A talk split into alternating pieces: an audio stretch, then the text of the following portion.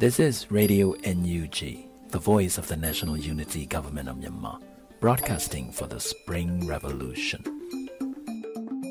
Radio NUG is transmitting from shortwave 16 meter 17.710 MHz daily at 8 a.m. and 25 meter 12 MHz at 8 p.m. Myanmar Standard Times.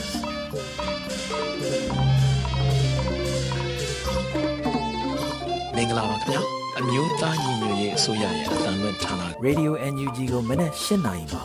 flight meter 16 meter 19.87 MHz ညဘက်မှာ flight meter 25 meter 12 MHz တို့မှာတိုက်ရိုက်ဖမ်းယူနားဆင်နိုင်ပါပြီမင်္ဂလာအပေါင်းနဲ့ပြည့်စုံကြပါစေခုချိန်ကစပြီး Radio NUG အစီအစဉ်လေးကိုဓာတ်ရိုက်အသံလွှင့်ပေးနေပါပြီ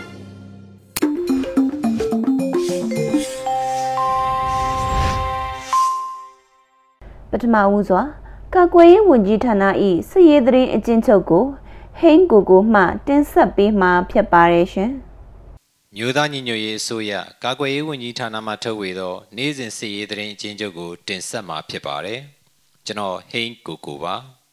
။စစ်ကောင်စီနှင့်တိုက်ပွဲဖြစ်ပွားမှုသတင်းအနေနဲ့ချင်းပြည်နယ်မှာစက်တင်ဘာလ18ရက်မနက်ပိုင်းတွင်ချင်းပြည်နယ်တီးတိမ်မြို့နယ်ရှိခိုင်ကန်းနယ်မြေရဲစခန်း6မိုင်ဂိတ်ကို PDF Solan Civil Defense Militia CDF KKG စတဲ့ကလေးကပေါ်ကံကောသုံးဖွဲ့ပူးပေါင်းတိုက်ခတ်ရာရဲ9ယောက်သေဆုံးပြီးအများအပြားဒဏ်ရာရရှိသွားကြောင်းသိရသည်စစ်ရေးပြစ်မှုမတရားဖမ်းဆီးတပ်ဖြတ်မိရှုမှုတရင်မန်းလေးတိုင်းမှာစက်တင်ဘာလ18ရက်နေ့လယ်17နာရီတွင်မန်းလေးတိုင်းမြင်းချံမြို့နယ်မြင်းချံမြို့ငွေဆန္ဒလျှက်စစ်ပစ္စည်းဆိုင်မှဝန်ထမ်း6ဦး အမှတ်16မှမျိုးသား2ဦးစုစုပေါင်း8ဦးဖမ်းဆီးခံရကြောင်းသိရှိရပါသည်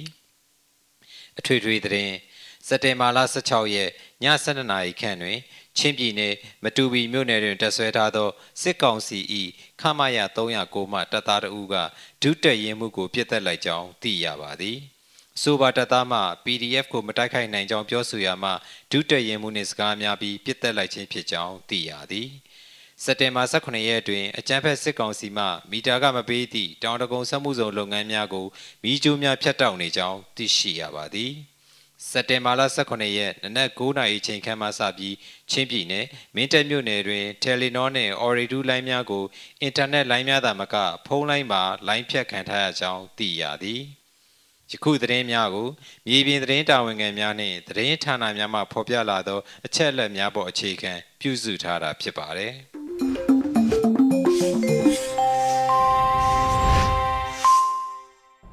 ဆက်လက်ပြီးမထထအိန္ဒြာအောင်မှ နေ့စဉ်သတင်းများကို တင်ဆက်ပေးမှာဖြစ်ပါတယ်ရှင်။ပထမဆုံးအနေနဲ့အကြမ်းမဖက်အာဏာဖီဆန်ရေးလှုပ်ရှားမှု CDN နဲ့ပတ်သက်တဲ့အစီရင်ခံစာတစ်စောင်ကိုအမျိုးသားညီညွတ်ရေးအစိုးရကထုတ်ပြန်လိုက်တဲ့သတင်းကိုတင်ဆက်ပေးသွားမှာပါ။လူဦးတော်လှန်ရေးရဲ့အဓိကအခမ်းအနားမှာပါဝင်တဲ့အကြမ်းမဖက်အာဏာဖီဆန်ရေးလှုပ်ရှားမှု CDN နဲ့ပတ်သက်တဲ့အစီရင်ခံစာတစ်စောင်ကိုအမျိုးသားညီညွတ်ရေးအစိုးရကဒီကနေ့မှထုတ်ပြန်လိုက်ပါတယ်။ အစီရင်ခံစာမှာမြန်မာနိုင်ငံအကြမ်းမဖက်အာဏာဖီဆန်ရေးလှုပ်ရှားမှုမိတ်ဆက်ဆရာနာရှင်စနစ်ကိုစန့်ကျင်ကြသောမြန်မာပြည်သူလူထုငြိမ်းချမ်းရေးနဲ့ဒီမိုကရေစီကိုရှာဖွေသောအကြမ်းမဖက်လှုပ်ရှားမှု CDM ပြည်သူလူထုတောင်းဆိုသော CRPH နဲ့ NUG ရဲ့ကိုစားပြုမှုတမတော်ရဲ့မအောင်မြင်သောအာဏာသိမ်းမှုစတဲ့အပိုင်း၅ပိုင်းပါဝင်တာကိုတွေ့ရပါတယ်။ မြန်မာနိုင်ငံမှာဖေဖော်ဝါရီ၁ရက်ကဆီယနာသိမ်းပြီးနောက်စစ်ကောင်စီကိုပြည်စံပြီး CDM လှုပ်ရှားမှုမှာပါဝင်လာတဲ့အစိုးရဝန်ထမ်းဦးရေ၄သိန်း18000ကျော်နဲ့စစ်သားဦးရေ2000ကျော်ရှိတယ်လို့အမျိုးသားညီညွတ်ရေးအစိုးရရဲ့အစီရင်ခံစာမှာဖော်ပြထားပါတယ်။ဒါအပြင် CDN ကိုထောက်ပံ့ကူညီတဲ့ကမ္ဘာတဝန်းကအဖွဲ့အစည်းပေါင်း140ကျော်ရှိပြီးအဲ့ဒီအဖွဲ့အားလုံးကပြည်သူ့လွှတ်တော်ကိုစားပြုကော်မတီ CRPH နဲ့ တရားဝင်ရမုံငွေမြင့်တင်ရေးအဖွဲ့ CRPH OFP နဲ့ပူးပေါင်းဆောင်ရွက်နေတာဖြစ်တယ်လို့ဆိုပါတယ်။ ဧပြီလကနေဇူလိုင်လအထိ CRPH ရဲ့ရမန်ငွေမြင့်တင်ရေးအဖွဲ့အနေနဲ့ရရှိလာတဲ့ရမန်ငွေစုစုပေါင်းရဲ့56ရာခိုင်နှုန်းကိုစီရီယံပြုလုပ်သူတွေအတွက်အသုံးပြုခဲ့တယ်လို့လည်းထုတ်ပြန်ခဲ့ပါတယ်။အဲဒီနောက်စီရီယံလှုပ်ရှားမှုမှာပါဝင်လို့ယာရုကနေရနာခံရသူဒါမှမဟုတ်ယာရုကနေဖယ်ရှားခံရသူ၃သိန်းနီးပါးရှိပြီးစီရီယံလှုပ်ရှားမှုမှာပါဝင်လို့ပုံမှန်905အမှုဖွင့်ခံရသူ3600ထက်မနည်းရှိပါသေးတယ်။ စီရီယံလှုပ်ရှားမှုဆိုင်ရာအချက်လက်တွေအတွက်အသေးစိတ်ဖော်ပြဖို့လိုအပ်မှုတွေရှိနေပေမဲ့လည်းအခုစီရင်ခံစာဟာမြန်မာနိုင်ငံတလွှားကဆက်ရနာရှင်ကိုတော်လှန်နေတဲ့မြန်မာပြည်သူတွေရဲ့ရဲရည်မှုကိုမိမောင်းထိုးပြနိုင်လိမ့်မယ်လို့ဖော်ပြထားပါတယ်။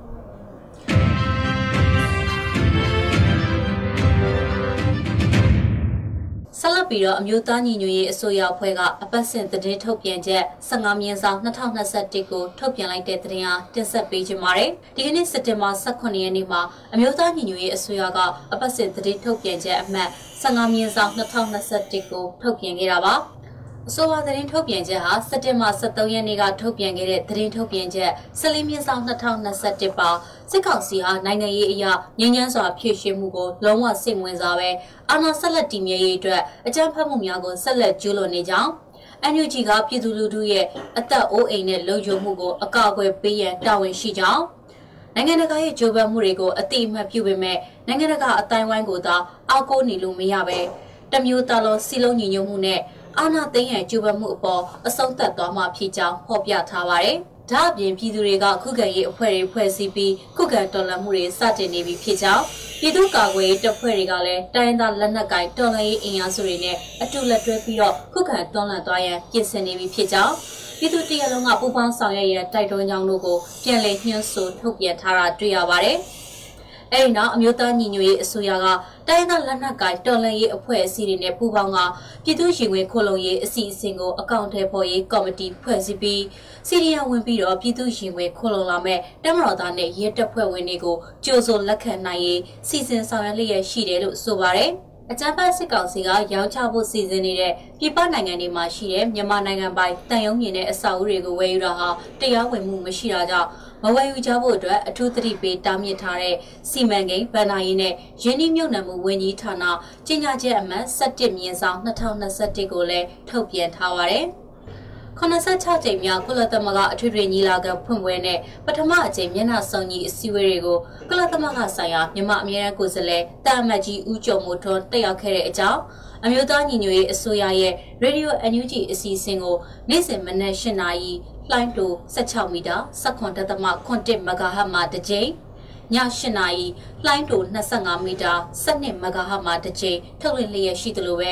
နေ့စဉ်သတင်းရုပ်သံအစီအစဉ်ကိုလည်းည8နာရီခွဲအချိန်မှာ NUG CRPH Radio NUG နဲ့ PPTV တို့ရဲ့လူမှုကွန်ရက်စာမျက်နှာတွေကနေထုတ်လွှင့်ပေးလျက်ရှိတဲ့အကြောင်းတွေလည်းပါဝင်ပါတယ်။အရွယ်ရောက်ပြီးတဲ့နေရစွန့်ခွာထွက်ပြေးလာတဲ့ကလေးငယ်တွေကို ပညာသင်ကြားခွင့်ရရှိရေးဆောင်ရွက်ပေးသွားမယ်လို့မီဇရက်အစိုးရကျောင်းပညာရေးဒရိုက်တာအဖွဲ့ကဆုံးဖြတ်ဆောင်ရွက်နေမှုအပေါ်လွန်စွာကျေးဇူးတင်ရှိကြောင်းတို့လည်းပါဝင်နေတာကိုတွေ့ရပါတယ်။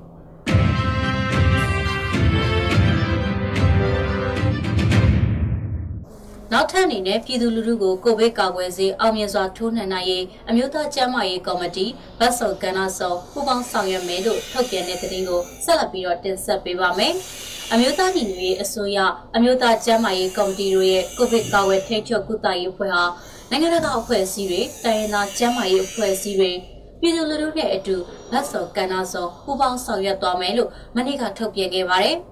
တိုင်းသားကျန်းမာရေးအဖွဲ့အစည်းတွေနဲ့အမျိုးသားညီညွတ်ရေးအစိုးရကျန်းမာရေးဝန်ကြီးဌာနတို့ပူးပေါင်းဖွဲ့စည်းထားတဲ့ COVID-19 ကာကွယ်ထိန်းချုပ်ကုသရေးအဖွဲ့ဟာပြည်သူလူထုကို COVID-19 ကာကွယ်ဆေးအောင်မြင်စွာထိုးနှံနိုင်ရေးအတွက်နိုင်ငံတကာအဖွဲ့အစည်းတွေတန်ယုံတွေအလို့ရှင်အဖွဲ့အစည်းတွေနဲ့အဆင့်တစိုက်ဆွေးနွေးမှုတွေလှုပ်ဆောင်နေတယ်လို့သိရပါတယ်။ လက်ရှိမြန်မာနိုင်ငံအတွင်းနိုင်ငံရေးအုပ်ချုပ်ရေးအချက်တဲကာလဖြစ်တာကြောင့်ကိုဗစ်နဲ့ပတ်သက်ပြီးတော့ကုလသမဂ္ဂအဖွဲ့အစည်းတွေအပါအဝင်မိဖက်အဖွဲ့အစည်းတွေနဲ့အလှရှင်တွေအနေနဲ့စစ်ကောင်စီ NUG တိုင်းသားကျန်းမာရေးအဖွဲ့အစည်းတွေနဲ့ညီတူညီမျှဆက်ဆံမှုလိုအပ်တယ်လို့အမျိုးသားကျန်းမာရေးကော်မတီကအသိပေးပါတယ်စစ်ကောင်စီနဲ့ဆက်ဆံရမှာလည်းအလုပ်သဘောရတာဖြစ်ပြီးစစ်ကောင်စီကိုအတိအမှတ်ပြုတဲ့တရားမှုမဖြစ်စေဖို့တတိပြုရမယ်လို့လည်းကော်မတီကတတိပေးပါတယ်။ ဒါအပြင်ကောက်ွယ်စေးထိုးနှံမှုအစီအစဉ်ဟာပြည်သူလူထုရဲ့ယုံကြည်လက်ခံမှုမရဘူးဆိုရင်အောင်မြင်မှုရမှာမဟုတ်ပဲပြည်သူလူထုလုံခြုံရေးအတွက်ကုလသမဂ္ဂလိုတတိယအဖွဲ့အစည်းကစောင့်ကြည့်ပေးတဲ့ရန်တရားတရက်ရှိဖို့လဲလိုအပ်တယ်လို့ကော်မတီကအကြံပြုထားတာကိုတွေ့ရပါတယ်။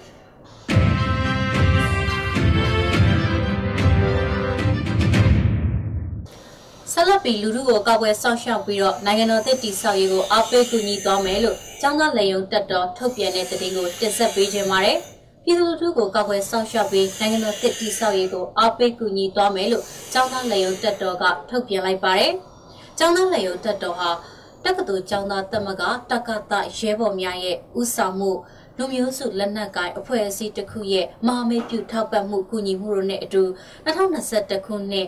ဧပြီလ29ရက်နေ့မှာစတင်တည်တည်ခဲ့တဲ့ကျောင်းသားအခြေပြုလက်နက်ကင်တော်လှန်ရေးအင်အားစုတရက်ဖြစ်ပါတယ်။ဒါပေမဲ့စီးရင်ဆိုင်ရာလုပ်ငန်းတွေမှာအောင်မြင်မှုရရှိဖို့မိမိတို့ကံကြမ္မာမိမိတို့ဖန်တီးခွင့်ရရှိဖို့ကြိုးပမ်းနေသူဖိနှိပ်ခံလူသားအလုံးနဲ့မဟာမိတ်ပြုတိုက်ပွဲဝင်ဖို့အချက်ကိုလည်းကျောင်းသားလေယုံတက်တော်ကထည့်သွင်းထားပါတယ်။ ဒါအပြင်ចောင်းသားလေယုံတက်တော်ဟာဒီတော်လိုင်းမှာတမရွေးကြတော်ရင်ပြောက်ကြားစစ်ပွဲသာမကပဲမြို့ပြပြောက်ကြားစစ်ပွဲတွေမှာလက်နက်ကင်တော်လိုင်းရေးဆင်နွှဲသွားမယ်လို့ထုတ်ပြန်ထားတာကိုတွေ့ရပါတယ်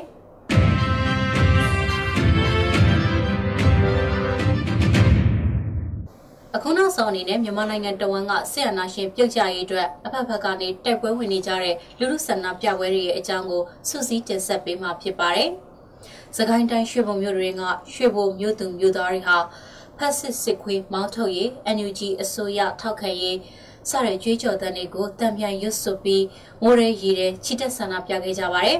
။စကိုင်းတိုင်းရင်းမပင်အရှိတ်ချမ်းမှာရှိတဲ့ကြီးရွာတရွာမှာလဲကလေးတငယ်အမျိုးသမီးတွေဥဆောင်တဲ့တပိတ်စစ်ကြောင်းဟာငါတို့အနာဂတ်ငါတို့ပြန်ပေးဆိုတဲ့စာရန်ကိုကိုင်ဆောင်ပြီးကြီးရွာတလျှောက်ချစ်တက်ဆန္ဒပြခဲ့ကြပါတယ်။။ စကိုင်းတိုင်းကလေးမြို့မှာတော့ရက်ပေါင်း222ရက်မြောက်နေ့အဖြစ်ကလေးမြို့သူမြို့သားတွေပါဝင်တဲ့ဆီယနာရှင်စနစ်စန့်ကျင်တဲ့တပိတ်စစ်ကြောင်းဟာအတားဆီးတွေကြားကပဲမလျှော့တဲ့ဇွဲလုံးလာတို့နဲ့အောင်မြင်စွာချီတက်ဆန္ဒပြနိုင်ခဲ့ပါတယ်။စကိုင်းတိုင်းဆန်းလင်းကြီးမြို့နယ်မြောက်ချမ်းလက်ဗရောင်းဒေသမှာရှိတဲ့ကြီးရွာတရွာမှာတော့အမျိုးသမီးတွေဥဆောင်ပါဝင်တဲ့တပိတ်စစ်ကြောင်းဟာ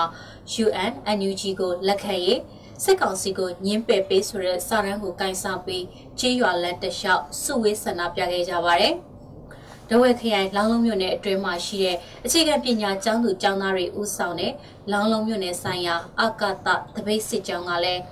ဆရာနာရှင်ချေမုံရေးအတွက်အင်အားပြည့်ချီတက်ဆန္ဒပြခဲ့ကြပါတယ်။ မန္တလေးမှာတော့တန်ခါတမကတပိတ်စစ်ကြောင်းကတန်ခါတမကဆရာတော်တွေဦးဆောင်ပြီးဆရာနာရှင်ချေမုံရီ221ရက်မြောက်နေ့ဖြစ်အကြမ်းဖက်နေတဲ့စစ်ကောင်စီအလိုမရှိဆိုတဲ့ကြွေးကြော်သံတွေကိုတံပြန်ရွတ်ဆိုပြီးချီတက်ဆန္ဒပြခဲ့ကြပါတယ်။မန္တလေးကစက်မှုတပိတ်စစ်ကြောင်းဖရာကြီးတပိတ်စစ်ကြောင်းနဲ့တမဝရမတက္ကသိုလ်ကျောင်းသူကျောင်းသားများတပိတ်စစ်ကြောင်းတို့ကလူငယ်တွေပူးပေါင်းပြီးတော့အကြမ်းဖက်စစ်တပ်ကြာရှုံးရေးအတွက်လည်းချီတက်ဆန္ဒပြခဲ့ကြပါတယ်။ ဒါအပြင်မန္တလာတက္ကသိုလ်ကျောင်းသူကျောင်းသားလူငယ်တစုကလည်းတွေးရသွားရင်ကိုကိုကိုခွင့်မလွတ်ကြီးဆိုတဲ့ဗီနိုင်ကိုကင်ဆောင်ပြီးဆရာနာရှင်ပြုတ်ကြရေးအတွက်ဒီကနေ့မနက်ပိုင်းကချီတက်ဆန္ဒပြခဲ့ကြပါတယ်။ဆရာနာရှင်ပြုတ်ကြရေးအတွက်အဖက်ဖက်ကတော်လန်နေကြတဲ့အထက်မှာလေစိတ်ခံယူမှုကွဲပြားသူ LGBT တွေလည်းပါဝင်တာကိုတွေ့ရပါတယ်။ဒီကနေ့မှာတော့ LGBT Union Mandalay တပိတ်စစ်ကြောင်းဟာအကြံဖတ်စစ်တပ်ကြာရှုံးရေးအတွက်ချစ်တက်ဆန္ဒပြခဲ့ကြပါတယ်။ အာဏာသိမ်းစစ်ကောင်စီဟာလိမ့်စိတ်ခံယူမှုကွဲပြားသူတွေပေါ်ပြစ်မှတ်ထားတိုက်ခိုက်တာမျိုးရှိနေပေမဲ့ LGBT တွေအနေနဲ့ Federal Democracy ရရှိရေးအတွက်ဆက်လက်တိုက်ပွဲဝင်နေတာပဲဖြစ်ပါတယ်။ဒါကတော့စက်တင်ဘာလ18ရက်နေ့နေ့လယ်2နာရီအထိရရှိထားတဲ့ မြန်မာနိုင်ငံတဝန်ကဆက်အနာရှင်ပြုတ်ကြရေးဆန္ဒပြပွဲရဲ့အကြောင်းကိုစုစည်းတင်ဆက်ပေးကြတာဖြစ်ပါတယ်။မြန်မာနိုင်ငံသူနိုင်ငံသားအားလုံးပဲဆက်အနာရှင်ဘေးကနေအများဆုံးလွတ်မြောက်ကြပါစေလို့ဆုတောင်းပေးလိုက်ရပါတယ်။ကျေးဇူးတင်ပါတယ်ရှင်။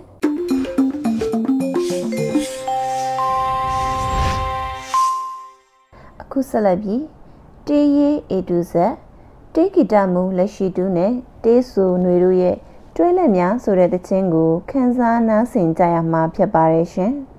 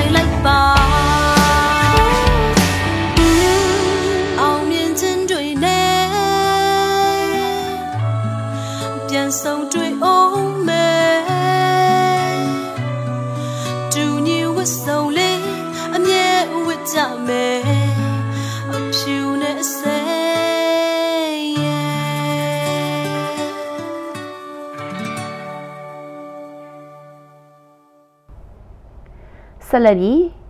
မြနိုးအေးရဲ့သတင်းလာခြင်းလားဆိုတဲ့အစီအစဉ်ဖြစ်ပါတယ်ရှင်ဒီဘက်ပြပြပေးသွားမယ်တည်င်းမှာအကြောင်းအရာတွေကတော့ကုလသမဂ္ဂမှာမြန်မာနိုင်ငံကိုစားပြုတန်တမန်ရွေးချယ်မှာနဲ့ပတ်သက်ပြီးလိုရာဆွဲရေးသားဖော်ပြနေကြတဲ့တည်င်းမှာအကြောင်းအန်ယူဂျီအစိုးရအဖွဲ့ဝန်ကြီးတွေနဲ့အလူငွေကောက်ခံပေးနေတဲ့သူတွေကိုဖမ်းဆီးဖို့ထိုင်းနိုင်ငံဝန်ကြီးချုပ်ကအမိန့်ပေးလိုက်တဲ့ဆိုပြီးဖြတ်နေတဲ့တည်င်းမှာအကြောင်းအရာနဲ့ အခြားဒေသတွေမှာဖြစ်ခဲ့တဲ့ဖြစ်စဉ်တွေရဲ့ဗီဒီယိုအဟောင်းတွေကိုအသုံးပြုပြီးတော့ချင်းပြည်နယ်လုံလဲရွာကိုလေရင်နဲ့ဘုံကျဲတယ်ဆိုတဲ့သတင်းအမှားအပါအဝင်မိုက်ဒက်တာဝါတိုင်းကိုစောင့်ကြပ်နေတဲ့အကြံဖက်စစ်တပ်ပိုင်းတင်ကားကို CDF ကလက်နက်ကြီးနဲ့ဖျက်ဆီးခဲ့တယ်ဆိုတဲ့သတင်းအမှားအကြောင်းအရာတွေပဲဖြစ်ပါတယ်။ အရင်ဆုံးပြပြပေးချင်တဲ့သတင်းမှာအကြောင်းအရာကတော့ကုလသမဂ္ဂအစည်းအဝေးစတင်လိုက်တဲ့အချိန်မှာပဲမြန်မာနိုင်ငံကိုစားပြုကုလတန်တမန်ရွေးချယ်မှာနဲ့ပတ်သက်ပြီးလူရဆွဲပြီးရေးသားထားတဲ့အချက်လက်အမှားတွေနဲ့သတင်းမှားတွေပြန့်နှံ့လာတဲ့အကြောင်းအရာပဲဖြစ်ပါတယ်။အကြမ်းဖက်စစ်ကောင်စီအားပေးထောက်ခံတဲ့အကောင့်တွေကရေးနေကြတဲ့ကုလသမဂ္ဂမှာဦးကျော်မှုထွန်းကို NUG ကိုစားပြုဖြစ်တက်ရောက်ခွင့်ပြုတော့ဘူးဆိုတာမျိုးတွေအပြင်စစ်ကောင်စီဘက်က90ရာခိုင်နှုန်းအနိုင်ရနေပြီဆိုတာတွေကအချက်အလက်မဟုတ်တဲ့လူရဆွဲရေးသားဖော်ပြနေတဲ့သတင်းမှာအကြောင်းအရာတွေပဲဖြစ်ပါတယ်။ American နိုင်ငံခြားရေးမူဝါဒမဂ္ဂဇင်း Foreign Policy ရဲ့ရေးသားဖော်ပြချက်အရစစ်ကောင်စီဘက်ကတင်သွင်းထားတဲ့ကိုယ်စားလှယ်ကိုလက်ရှိကျင်းပနေတဲ့ညီလာခံကိုတက်ရောက်ခွင့်မပေးဖို့သဘောတူညီခဲ့တယ်လို့ပဲရေးသားဖော်ပြခဲ့တာဖြစ်ပါတယ်။ကုလသမဂ္ဂအထွေထွေညီလာခံရဲ့စီမင်းတွေအရသက်ဆိုင်ရာနိုင်ငံတွေကိုကိုစားပြုတက်ရောက်ခွင့်အတွက်အငင်းပွားမှုရှိခဲ့ရင်ပြဿနာပြည်လဲတဲ့အချိန်အထိလက်ရှိနိုင်ငံကိုစားပြုကိုယ်စားလှယ်ဖြစ်သူကိုပဲဆက်လက်ထားရှိရမှာဖြစ်ပါတယ်။ ဒါအပြင်ကုလသမဂ္ဂမှာမြန်မာနိုင်ငံကိုစားပြုအဖြစ် NUG ကိုရွေးချယ်လိုက်ပြီဆိုပြီး social media တွေမှာပြန့်နေတဲ့သတင်းတွေကလည်းလိုရာဆွဲရေးသားနေကြတဲ့အချက်လက်အမှားတွေပဲဖြစ်ပါတယ်။တကယ်တမ်းက NUG ကိုစားပြုအနေနဲ့ကအကြမ်းဖက်စစ်အာဏာသိမ်းကိုစားပြုအနေနဲ့ကိုရွေးချယ်သေးခြင်းမရှိသေးပါဘူးရှင်။ဘဲကိုယ်စားလှယ်ကိုနိုင်ငံကိုစားပြုအတွက်သတ်မှတ်မလဲဆိုတာကိုတော့အရင်အချင်းစစ်ကော်မတီဖြစ်တဲ့အဖွဲ့ဝင်9နိုင်ငံပါဝင်တဲ့ Credentials Committee ကစစ်ဆေးဆုံးဖြတ်မှာပဲဖြစ်ပါတယ်။ ဒါကြောင့် social media မှာရေးသားဖော်ပြနေကြတဲ့အချက်အလက်မဟုတ်တဲ့လိုရာဆွဲရေးသားနေရတာတွေတွေ့ရှိခဲ့မယ်ဆိုရင်မယုံကြည်ကြဖို့နဲ့ကျင့်ဝတ်ရှိတဲ့သတင်းမီဒီယာတွေကဖော်ပြထားတဲ့သတင်းတွေကိုပဲယုံကြည်ကြဖို့တိုက်တွန်းချင်ပါတယ်နောက်ထပ်ပြောပြပေးခြင်းတဲ့သတင်းမှာကတော့ NUG အစိုးရအဖွဲ့ဝင်ကြီးတွေနဲ့အလူငွေကောက်ခံပေးနေတဲ့သူတွေကိုဖမ်းဆီးဖို့ထိုင်းနိုင်ငံဝန်ကြီးချုပ်ကအမိန့်ပေးလိုက်တဲ့ဆိုပြီးပြက်နေတဲ့သတင်းမှာအကြောင်းပါပဲဖြစ်ပါတယ်။ အဲ့ဒီသတင်းမှားထဲမှာရေးသားထားတာကတော့ထိုင်းနိုင်ငံအတွင်းပုံခုနေသော NUG အဖွဲ့ဝင်များကိုလိုက်လံရှာဖွေဖမ်းဆီးသွားမည်ဟုထိုင်းဝန်ကြီးချုပ်ပရာယွတ်ချန်အိုချာကကတိကဝတ်ပြုခဲ့ကြောင်း NUG ကိုအားပေးအားမြောက်ပြုလုပ်သူများကုညီထောက်ပံ့သူများကိုပါဖော်ထုတ်ဖမ်းဆီးသွားမည်နာဆာကအနေနဲ့လည်းနိုင်ငံတကာရဲတပ်ဖွဲ့ Interpol နဲ့ချိတ်ဆက်ပြီး NUG အကြမ်းဖက်အဖွဲ့ဝင်များ ငွေကြေးကူညီထောက်ပံ့သူများနဲ့ပတ်သက်၍သတင်းအချက်အလက်များဖလှယ်ကဖမ်းဆီးအရေးယူမှုများစတင်ရန်စီစဉ်နေပြီဖြစ်ကြောင်းယနေ့ရရှိသောသတင်းအရထိုင်းနိုင်ငံအတွင်း NUG အကြမ်းဖက်အဖွဲ့အတွက်အလူငွေကောက်ခံနေသူ6ဦးအားဖမ်းဆီးရမိထားကြောင်းမြန်မာတန်ယုံသို့အကြောင်းကြားလာသည်ဟုသိရှိရပါသည်ဆိုပြီးရေးသားဖြန့်နေကြတာပဲဖြစ်ပါတယ်။ အချက်အလက်စစ်ဆေးကြည့်လိုက်တဲ့အခါမှာတော့ရေးသားဖြန့်ဖြူးနေကြတဲ့သတင်းတွေထဲမှာယုံကြည်စိတ်ချရတဲ့သတင်းအရင်းမြစ်ဆိုတာမျိုးမပါဝင်ပါဘူး။ဒါအပြင်ထိုင်းဝန်ကြီးချုပ်ကဖမ်းဆီးဖို့အမိန့်ပေးတယ်ဆိုတဲ့အဲ့ဒီလိုအကြောင်းအရာမျိုးနဲ့သတင်းကိုထိုင်းနိုင်ငံအခြေစိုက်သတင်းမီဒီယာဌာနကြီးတွေမှာရေးသားဖော်ပြထားခြင်းလုံးဝမရှိသလိုနိုင်ငံတကာသတင်းဌာနတွေမှာလည်းရေးသားထားတာမျိုးလုံးဝမတွေ့ရှိရပါဘူးအကြမ်းဖက်စစ်ကောင်စီကိုအားပေးထောက်ခံနေကြတဲ့အကောင့်တွေကမြန်မာပြည်ဒီမိုကရေစီရရေးအတွက်တက်ညီလက်ညီကူညီနေကြတဲ့ ပြည်ပရောက်မြန်မာအင်အားစုတွေမြန်မာပြည်သူတွေကိုခြောက်လန့်ချင်တဲ့အတွက်ကြောင့်မို့လို့သူတို့ရဲ့စာမျက်နှာတွေကနေတပြိုင်နက်တည်းမှာပဲဒီလိုသတင်းမှားတွေနဲ့ဝါဒဖြန့်နေကြတာပဲဖြစ်ပါတယ်။မီးလောင်နေတဲ့နွားချီထောက်ကိုငိမ့်ခါနီဆက်ဆက်နောက်ဆုံးအကြိမ်ထလောင်ပြနေတယ်လို့မျိုးသွေးပြက်စွာလောင်ကျွမ်းနေခြင်းသက်သာပါပဲရှင်။စိတ်ချပါဒီမီးဟာမကြခင်မှာပြဖြစ်မဲ့မီးပါပဲ။ဒါကြောင့် Facebook မှာဒီလိုမျိုးပြန့်နေတဲ့သတင်းတွေကိုမယုံကြည်ကြဖို့အလောင်းမခံကြဖို့တိုက်တွန်းချင်ပါတယ်ရှင်။ နောက်ဆုံးအနေနဲ့ပြောပြပေးခြင်းတဲ့သတင်းမှာအကြောင်းအရာကတော့အခြားဒေသတွေမှာဖြစ်ခဲ့တဲ့ဖြစ်စဉ်တွေရဲ့ဗီဒီယိုအဟောင်းတွေကိုအသုံးပြုပြီးချင်းပြည်နယ်လုံလဲရာကိုလေရင်နဲ့ဘုံကျဲခဲ့တဲ့ဖြစ်စဉ်အမှန်နဲ့ချိတ်ဆက်ပြီးဖြန့်ဝေနေတဲ့အကြောင်းနဲ့ မိုက်တဲတာဝါတိုင်းကိုစောင့်ကြက်နေတဲ့အကြမ်းဖက်စစ်တပ်ပိုင်းတင်ကားကို CDF ကလက်နက်ကြီးနဲ့ဖျက်ဆီးခဲ့တယ်ဆိုတဲ့ဗီဒီယိုသတင်းအမှာအကြောင်းအရာတွေပဲဖြစ်ပါတယ်။အိန္ဒိယနယ်စပ်ချင်းပြည်နယ်လုံလွဲရာကိုအကြမ်းဖက်စစ်တပ်ကလေရင်နဲ့ဘုံကျဲတယ်ဆိုတာမျိုးရေးသားပြီးဖြန့်နေတဲ့ဗီဒီယိုတစ်ခုဟာအင်တာနက်ပေါ်မှာပြန့်နှံ့ခဲ့ပါတယ်။ အဲ့ဒီဗီဒီယိုကိုအချက်လက်စစ်ဆေးကြည့်လိုက်တဲ့အခါမှာတော့အဲ့ဒီဗီဒီယိုကအရင်ကတည်းကအင်တာနက်ပေါ်မှာပြန့်နှံ့နေခဲ့တဲ့ဗီဒီယိုကလစ်တစ်ခုဖြစ်ပြီးတော့ချင်းပြည်နယ်လုံလောက်ရဖြစ်စဉ်နဲ့သက်ဆိုင်ခြင်းမရှိတဲ့ဗီဒီယိုတစ်ခုဖြစ်ကြောင်းအတည်ပြုစစ်ဆေးနိုင်ခဲ့ပါတယ်။ Yanda search engine နဲ့ရှာဖွေလိုက်တဲ့အခါမှာတော့အဲ့ဒီဗီဒီယိုပဲမတူညီတဲ့ခေါင်းစဉ်အမျိုးမျိုးနဲ့လွန်ခဲ့တဲ့2019ခုနှစ်ကတည်းကအင်တာနက်ပေါ်မှာပြန့်နှံ့ခဲ့တာပဲဖြစ်ပါတယ်။ ဗီဒီယိုရဲ့မူရင်းအရင်းမြစ်ကတော့တရုတ်နိုင်ငံကရိုက်ကူးခဲ့တဲ့ရုပ်ရှင်တစ်ခုတည်းကဇာဝင်ခံတစ်ခုပဲဖြစ်တာကိုစစ်ဆေးတွေ့ရှိရပါတယ်ရှင်။အိန္ဒိယနယ်စပ်ချင်းပြည်နယ်လုံလဲရွာကိုအကြမ်းဖက်စစ်တပ်ကစက်တင်ဘာ10ရက်နေ့ကလေယာဉ်နဲ့ဘုံကျဲတိုက်ခိုက်ခဲ့တဲ့ဖြစ်စဉ်ကအမှန်ဖြစ်တယ်ဆိုတာကိုဒေတာတွင်းမီဒီယာတစ်ခုကဖော်ပြထားခဲ့ပါတယ်။ လေရင်နဲ့ဘုံကျဲခဲ့တဲ့ဖြစ်စဉ်ကမှန်ကန်ပေမဲ့လုံလဲရွာဘုံကျဲခံရမှုဆိုပြီးပြန့်နှံ့နေတဲ့ဗီဒီယိုကတော့ရခင်အင်တာနက်ပေါ်မှာရှိနေပြီးသားတခြားဗီဒီယိုတစ်ခုဖြစ်တယ်ဆိုတာကိုအသိပေးချင်ပါတယ်။အဲ့ဒီဖြစ်စဉ်တဲ့ပုံစံတူနောက်ထပ်သတင်းအမှားတစ်ခုကိုလည်းဖော်ပြပေးချင်ပါသေးတယ်။အဲ့ဒါကတော့ My Data ဝါတိုင်းကိုစောင့်ကြက်နေတဲ့အကြမ်းဖက်စစ်တပ်ပိုင်းတင်ကားကို CDF ကလက်နက်ကြီးနဲ့ဖျက်ဆီးခဲ့တယ်ဆိုတဲ့ဗီဒီယိုသတင်းအမှားပဲဖြစ်ပါတယ်။ အရှိအဖြစ်စဉ်လိုပဲအဲ့ဒီဗီဒီယိုကလစ်ကအင်တာနက်ပေါ်မှာအရင်ကတည်းကရှိနေပြီးသားဗီဒီယိုကလစ်ဖြစ်ပြီးတော့မူရင်းဗီဒီယိုကလစ်ကတော့2016ခုနှစ်တုန်းကအီရတ်နိုင်ငံမူဆူမြို့မှာဖြစ်ပွားခဲ့တဲ့ IS အဖွဲ့ကအီရတ်စစ်တပ်ရဲ့တင်ကားကိုဖျက်ဆီးခဲ့တဲ့ဖြစ်စဉ်ရဲ့ဗီဒီယိုကလစ်ပဲဖြစ်ပါတယ်။ဒါကြောင့်အကြမ်းဖက်စစ်ကောင်စီပိုင်းတင်ကားကို CDF ကဖျက်ဆီးခဲ့တယ်ဆိုတဲ့သတင်းကသတင်းမှဖြစ်ကြောင်းအားလုံးအသိပေးချင်ပါတယ်။တိုင်ဆောက်အစိုးရလို့လူတွေကနာမည်ပြောင်ပေးထားကြတဲ့စစ်ကောင်စီကသူ့ရဲ့စီးပွားရေးဖြစ်တဲ့တာဝါတိုင်းတွေကိုစောက်ရှောက်ဖို့အတွက် သူ့အတွက်တန်ဖိုးကြီးလာတဲ့တတ်မဲ့တန်ချက်ကကားတွေကိုအဆုံးရှုံးခံမဲ့အစားတန်ဖိုးနှိပ်စည်းပေါ်လာတဲ့ခြေလက်ကလေးတွေအသက်ကလေးတွေကိုယူနီဖောင်းတစ်ပတ်နာအောက်မှာထည့်ထားကြရတဲ့အောက်ခြေစစ်သားတွေကိုပဲအဆုံးရှုံးခံမှာပေါ့ရှင်ဟွန်းနားတတ်မယ်ဆိုရင်တော့ရင်နာစရာဖြစ်ပါ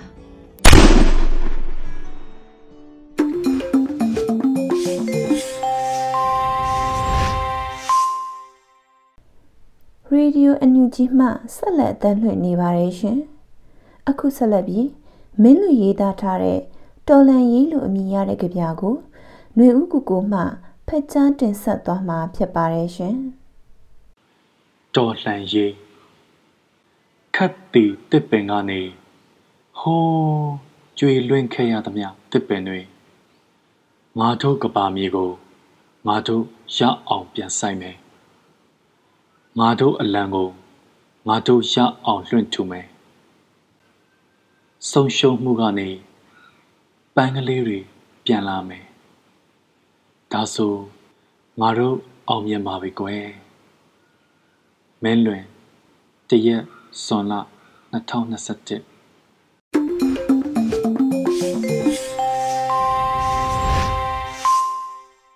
ခုဆက်လက်ပြီးပဋိပက္ခအတွင်းကြိုတင်ပြင်ဆင်ခြင်းအပိုင်း၅ကိုမျက်နှင်းရည်လွင်မှတင်ဆက်ပေးမှာဖြစ်ပါတယ်ရှင်။ ပြည်သူလူထုအားလုံးပဲမင်္ဂလာပါရှင်။ပြိပက္ခများထဲမှာပြည်သူတွေအားလုံးဘေးကင်းလုံခြုံမှုကြိုတင်ပြင်ဆင်မှုအတွက်အကြံပြုတင်ပြဖို့အချိန်ကြာရောက်လို့လာပြန်ပါပြီ။ကျွန်မပြောပြတဲ့အချက်တွေကိုလည်းလိုက်ပါလှုပ်ဆောင်နိုင်မယ်လို့ယုံကြည်ပါတယ်။အခုအစီအစဉ်မှာတော့လက်နက်ကြီးနဲ့ပြစ်ခတ်ခံရနိုင်တဲ့ဒေသတွေကပြည်သူလူထုတွေအတွက်သတိပြုရမယ့်အချက်တွေကိုဆွေးနွေးပေးသွားမှာဖြစ်ပါတယ်။လက်နက်ကြီးပြစ်ခတ်နိုင်တဲ့ဒေသပြည်သူလူထုတွေအနေနဲ့ မိမိနေအိမ်မှာ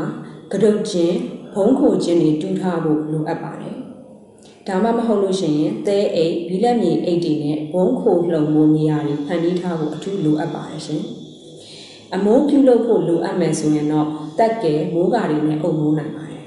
။ကတုတ်ချင်းနဲ့ဘုံခိုဖို့နေရာလုပ်ဖို့မလွယ်ဘူးဆိုလို့ရှိရင်တော့နေအိမ်ရဲ့အတွင်းပိုင်းအကျဆုံးနဲ့အလုံးကျုံဆုံးအခန်းတစ်ခုကိုသတ်မှတ်ပြီးတော့ပုံအောင်ခိုလုံရမှာဖြစ်ပါတယ်။ မှန်ကာထားတဲ့အခန်းတွေအပြင်ဘက်နဲ့ထိစပ်နေတဲ့အခန်းမျိုးကိုလုံးဝအသုံးမပြုရပါဘူး။ချစ်နိုင်မယ်ဆိုရင်မိမိပုံအောင်မဲ့အခန်းကိုစံအိတ်တွေဘီလက်မြေအိတ်တွေသဲအိတ်တွေနဲ့ကာယံဖွဲ့စည်းထားနိုင်လို့ရှိရင်ပို့ပြီးတော့လုံခြုံနိုင်ပါတယ်။လက်နက်ကြီးတန်ဟာအလွန်ကိုကျဲလောင်ပါတယ်။နာမကျန်းသူတွေတက်ကြီးရွယ်အိုတွေမြီးနေတဲ့တွေ ကလေးသူငယ်တွေအတွက်အလွန်အမင်းထိတ်လန့်စေနိုင်တာမို့လို့နားတွင်ပိတ်ဆို့စရာနှကြက်တစ်ခုခုခွန်းစာပတ်တီးလေစတာတွေနဲ့နားကိုပိတ်ဆို့ထားပေးဖို့လိုအပ်ပါတယ်ရှင်။လက်နက်ကြီးတွေရဲ့ပြင်းထန်တဲ့ပောက်ကွဲတံကြောင့်နားစီကိုကွဲစေနိုင်တာမို့လို့နားကိုပိတ်ပြီးပါဇက်ကိုဟထားဖို့လိုအပ်ပါတယ်။မိမိနဲ့နီးကပ်တဲ့အကွာအဝေးမှာလေရင်တန်ကြားခဲ့မယ်ဆိုလို့ရှိရင်အပြင်ဘက်ကိုလုံးဝမထွက်ကြည့်ပဲနဲ့အုံအောင်နေတဲ့နေရာမှာပဲဆက်လက်နေထိုင်ရမှာဖြစ်ပါတယ်။ လေကြောင်းတိုက်ခိုက်မှုတွေလည်းရှိလာနိုင်တာမို့လို့အကအကွယ်တွေအတွက်ကြိုတင်ပြင်ဆင်မှုတွေလည်းဆောင်ရွက်ထားသင့်ပါတယ်။မိမိနေထိုင်တဲ့အိမ်ဟာအဝင်အထွက်လမ်းမကျောတွင်တည်ရှိပါကလုံခြုံရေးကိုပို့ပြီးဂရုစိုက်ပြင်ဆင်ရမှာဖြစ်ပါတယ်။အသုံးပြုပြီးမပေါက်ကွဲသေးတဲ့စစ်လက်နက်ခဲယမ်းတွေဖြစ်တဲ့လက်ပစ်ပုံ၊မော်တာကြီး၊ဒုံးကြီးစတဲ့အရာတွေကိုတွေ့တဲ့အခါမှာထိတာ၊ကင်တာ၊ခြေထောက်နဲ့ကန်တာ၊နေရာရွှေ့ပြောင်းတာ၊မီးရှို့တာတွေလုံးဝမလုပ်ဖို့လိုအပ်ပါတယ်။ မပေါက်ကွဲသေးဘူးဆိုပေမဲ့ပေါက်ကွဲလူလူဖြစ်နေတတ်ပြီးအตาအရာတိုက်တို့ထိမိုံနဲ့ပေါက်ကွဲနိုင်တယ်ဆိုတာကိုအထူးသတိပြုပေးဖို့လိုအပ်ပါတယ်။ကျွန်မအခုဆွေးနွေးသွားတဲ့အချက်အလက်တွေကတော့အမျိုးသားညီညွတ်ရေးအစိုးရလူသားချင်းစာနာထောက်ထားရေးနဲ့ဘေးအန္တရာယ်ဆိုင်ရာစီမံခန့်ခွဲရေးဝန်ကြီးဌာနထုတ်ပြန်ထားတဲ့ပြိပက္ခများအတွင်ပြည်သူများဘေးအန္တရာယ်အတွက်ကြိုတင်ပြင်ဆင်နိုင်ရန်အချက်တွေပဲဖြစ်ပါတယ်။ပြည်သူတွေအားလုံးကြမ်းကြမ်းမာမာနဲ့အန္တရာယ်ကင်းဘေးရှင်းကြပါစေ။ အရေးတော်ပုံတကယ်အောင်ရမှာပါ။ဒီကနေ့တော့ဒီညနဲ့ပဲ Radio NUG အစီအစဉ်လေးကိုကိတ္တရန်နာလိုက်ပါမယ်မြန်မာစံတော်ချိန်မနေ့၈နာရီညနေ၈နာရီတို့မှာပြန်လည်တွေ့ဆုံကြပါစို့ Radio NUG ကိုမနက်၈နာရီမှလိုင်းဒိုမီတာ16မီတာ19.87 MHz